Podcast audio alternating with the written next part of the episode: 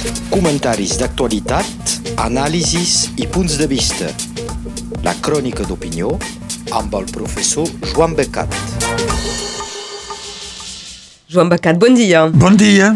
Avui tornem sobre el debat de regions i departaments perquè ell també torna. Sí, s'ha parlat d'un projecte que tindria el president Macron de tornar a regions més petites, com eren abans, per fer-les menys impersonals i apropar-les a la gent.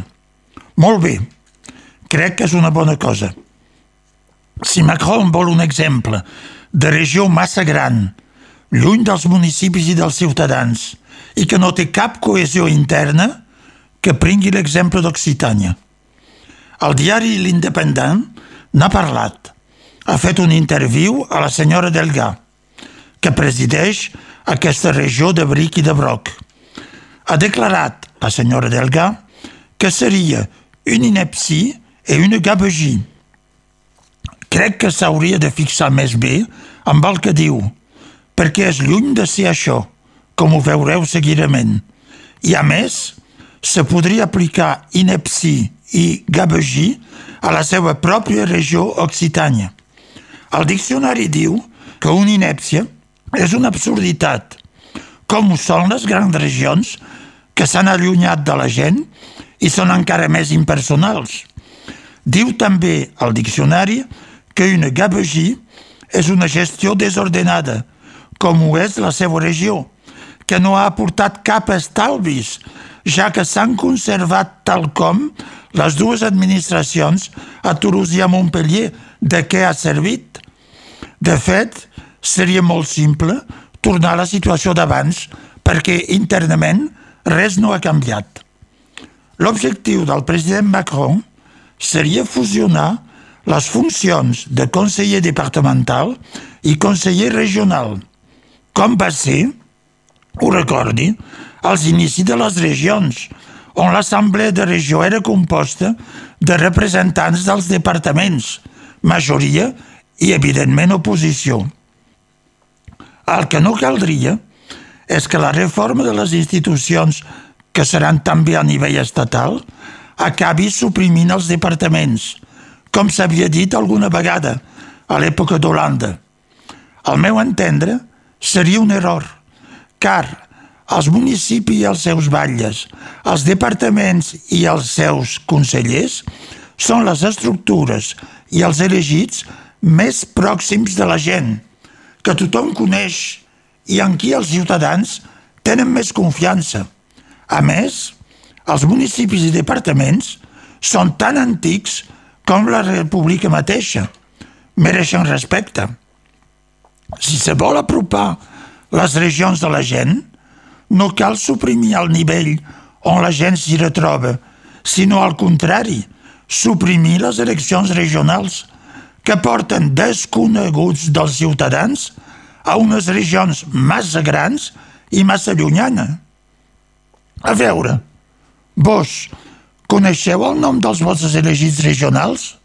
I coneixeu el nom dels vostres representants departamentals? Veieu la diferència?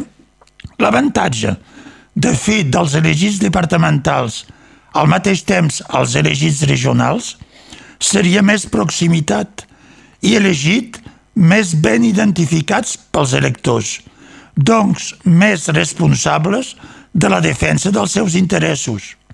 L'inconvenient, evidentment, però hi és avui també, és que la política regional sigui reduïda a una pluja de subvencions repartides a tot arreu per acontentar tothom i aconseguir una majoria al Consell.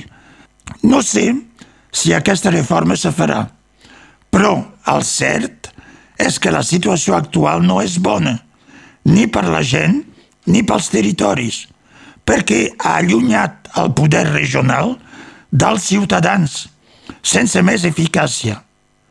Des de l'inici, jo ho vaig fer públic.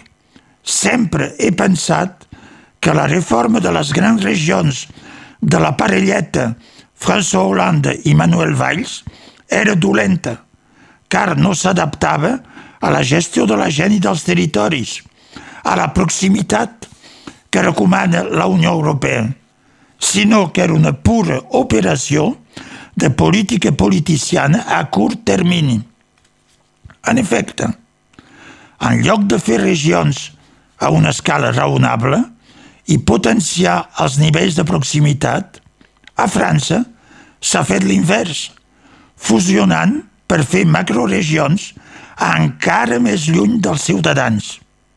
Una aberració que caldrà efectivament modificar per tornar a més proximitat. A veure, per què la parelleta, de fet, Holanda Valls ho ha decidit? No és cap secret.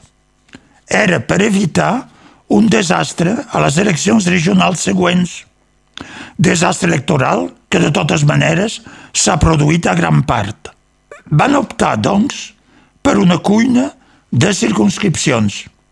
Fusionar regions on podien perdre la majoria o veure el Front Nacional que governi amb una regió on els socialistes eren més assentats, l'una i l'altra, Llenguadoc-Rosselló i Migdia Pirineu.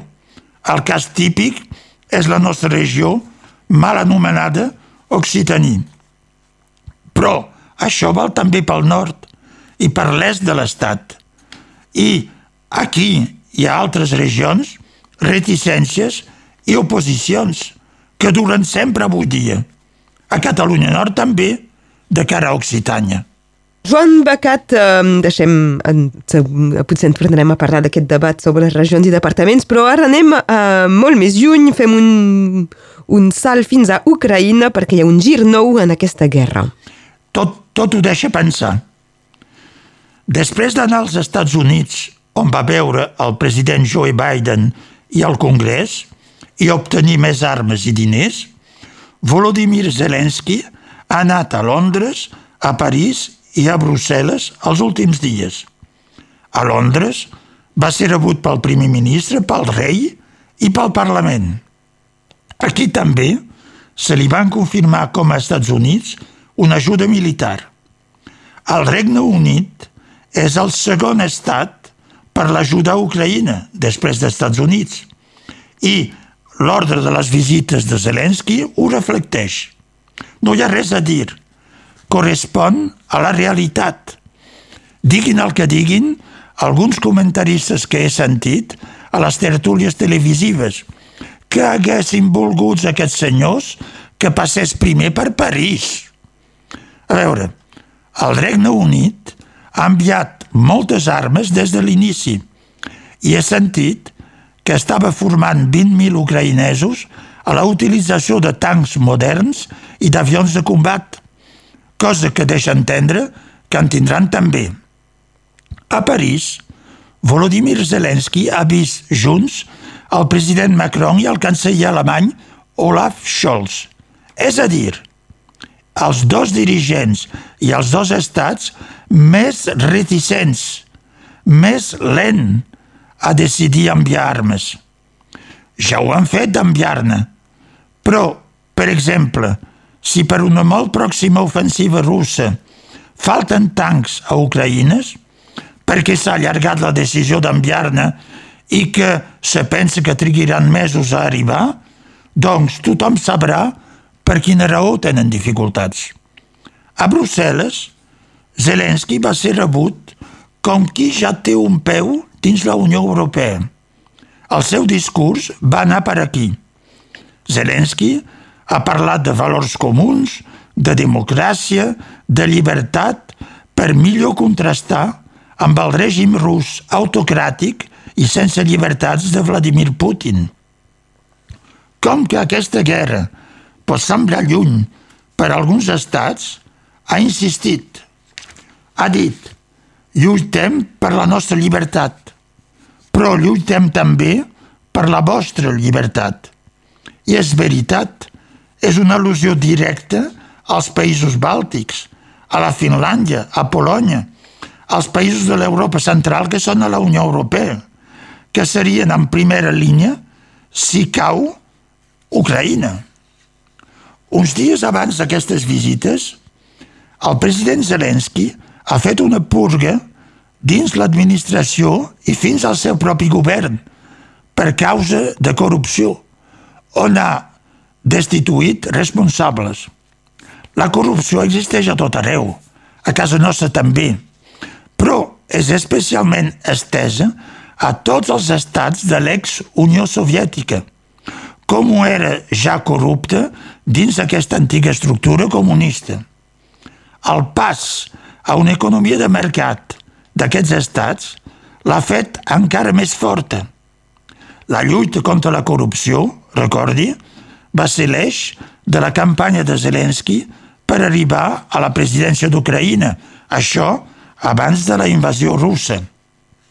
Ja se sap que amb una guerra, amb els proveïments, les fournitures, a l'exèrcit i a la gent, les armes, l'ajuda a la població i les prioritats que canvien, a tot arreu i a totes les èpoques, va ser l'ocasió de tràfic, de mercat negre, d'especulació sobre la desgràcia dels altres, de fer fortunes il·lícites. Zelensky ha volgut mostrar als occidentals, a qui demana armes i diners, que controla la situació interna per donar confiança als donants. Però segur que quedaran corruptes a a Ucraïna i aquí. Com diu la dita popular, no se pot matar tot el que és gras. Però concretament, per què eh, Volodymyr Zelensky se mou ara? Crec, i ho fa veure, Zelensky fa veure que té por. I és probablement veritat. Té por d'una gran ofensiva russa d'aquí poques setmanes i sap que en l'estat actual de les seues tropes i de l'armament del qual disposa, tindrà grans dificultats a contenir-la, aquesta ofensiva, a resistir. S'estan acumulant tropes russes a la línia de front. És per fer-la servir per atacs massius, com s'ha fet a la batalla de Bakhmut, que s'està fent i que és ja virtualment perduda pels ucraïnesos. Aquesta batalla va ser un assaig. A veure, Rússia hi ha fet servir la tàctica de Stalin durant la Segona Guerra Mundial contra els alemanys i la tàctica de l'exèrcit alemany a Verdun durant la Primera Guerra Mundial, és a dir, enviar molts soldats per aixugar l'enemic i fer bombardejos molts. Tant se val per aquesta gent si hi ha moltes pèrdues dels seus soldats, mentre l'enemic en tingui també, i que al final el nombre l'emporta. Que ho pot emportar perquè són 30 milions a Ucraïna i 120 a Rússia.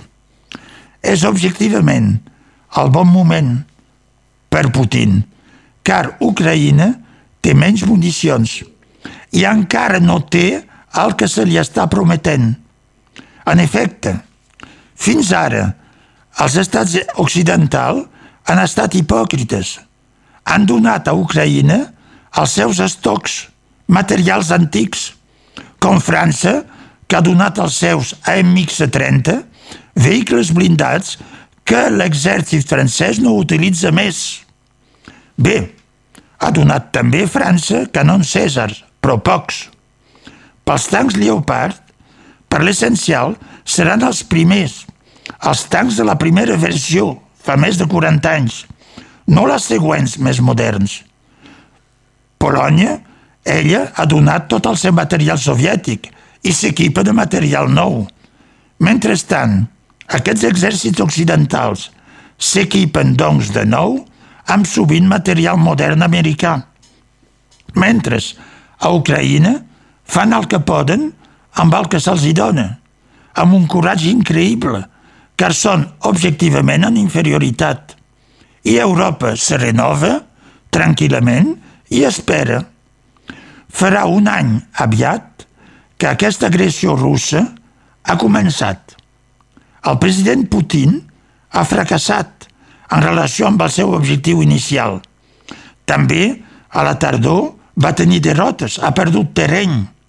Per tant, ara li cal guanys i avançar costi el que costi, com sembla ser els seus caràcters i el seu menester. Per tant, una ofensiva tindrà lloc. Els ucraïnesos podran resistir? Podran contraatacar? Si no poden, a llavors sí que els occidentals hauran de prendre les coses més seriosament que no pas fins ara. Mentrestant, els ucraïnesos patiran encara més. Moltes gràcies, Joan Becat, això és el que podíem dir avui. Adéu i bon dia. Bon dia, malgrat tot, a totes i a tots. Comentaris d'actualitat, anàlisis i punts de vista. La crònica d'opinió amb el professor Joan Becat.